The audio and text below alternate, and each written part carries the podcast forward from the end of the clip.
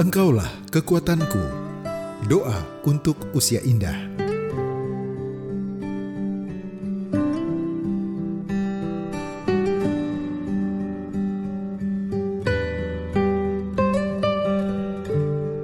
Sahabat ODB, saat kita menerima kenyataan bertambah tua, mungkin salah satu pergumulan yang harus kita hadapi adalah bagaimana menghadapi hilangnya penghasilan.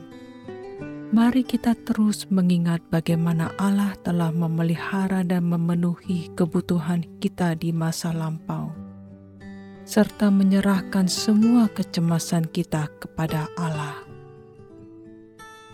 Mazmur 33 ayat 18 sampai 22 mengatakan, Sesungguhnya mata Tuhan tertuju kepada mereka yang takut akan Dia, kepada mereka yang berharap akan kasih setianya, untuk melepaskan jiwa mereka daripada maut dan memelihara hidup mereka pada masa kelaparan.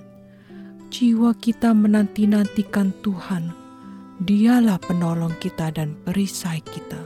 Ya, karena Dia hati kita bersuka cita. Sebab kepada namanya yang kudus kita percaya. Kasih setiamu ya Tuhan kiranya menyertai kami seperti kami berharap kepadamu. Sahabat Odibi, mari kita berdoa.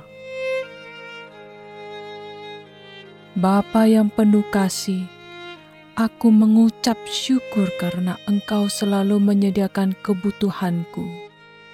Engkaulah penolongku dan perisaiku. Kesetiaanmu teramat luas dan kasihmu tak berkesudahan.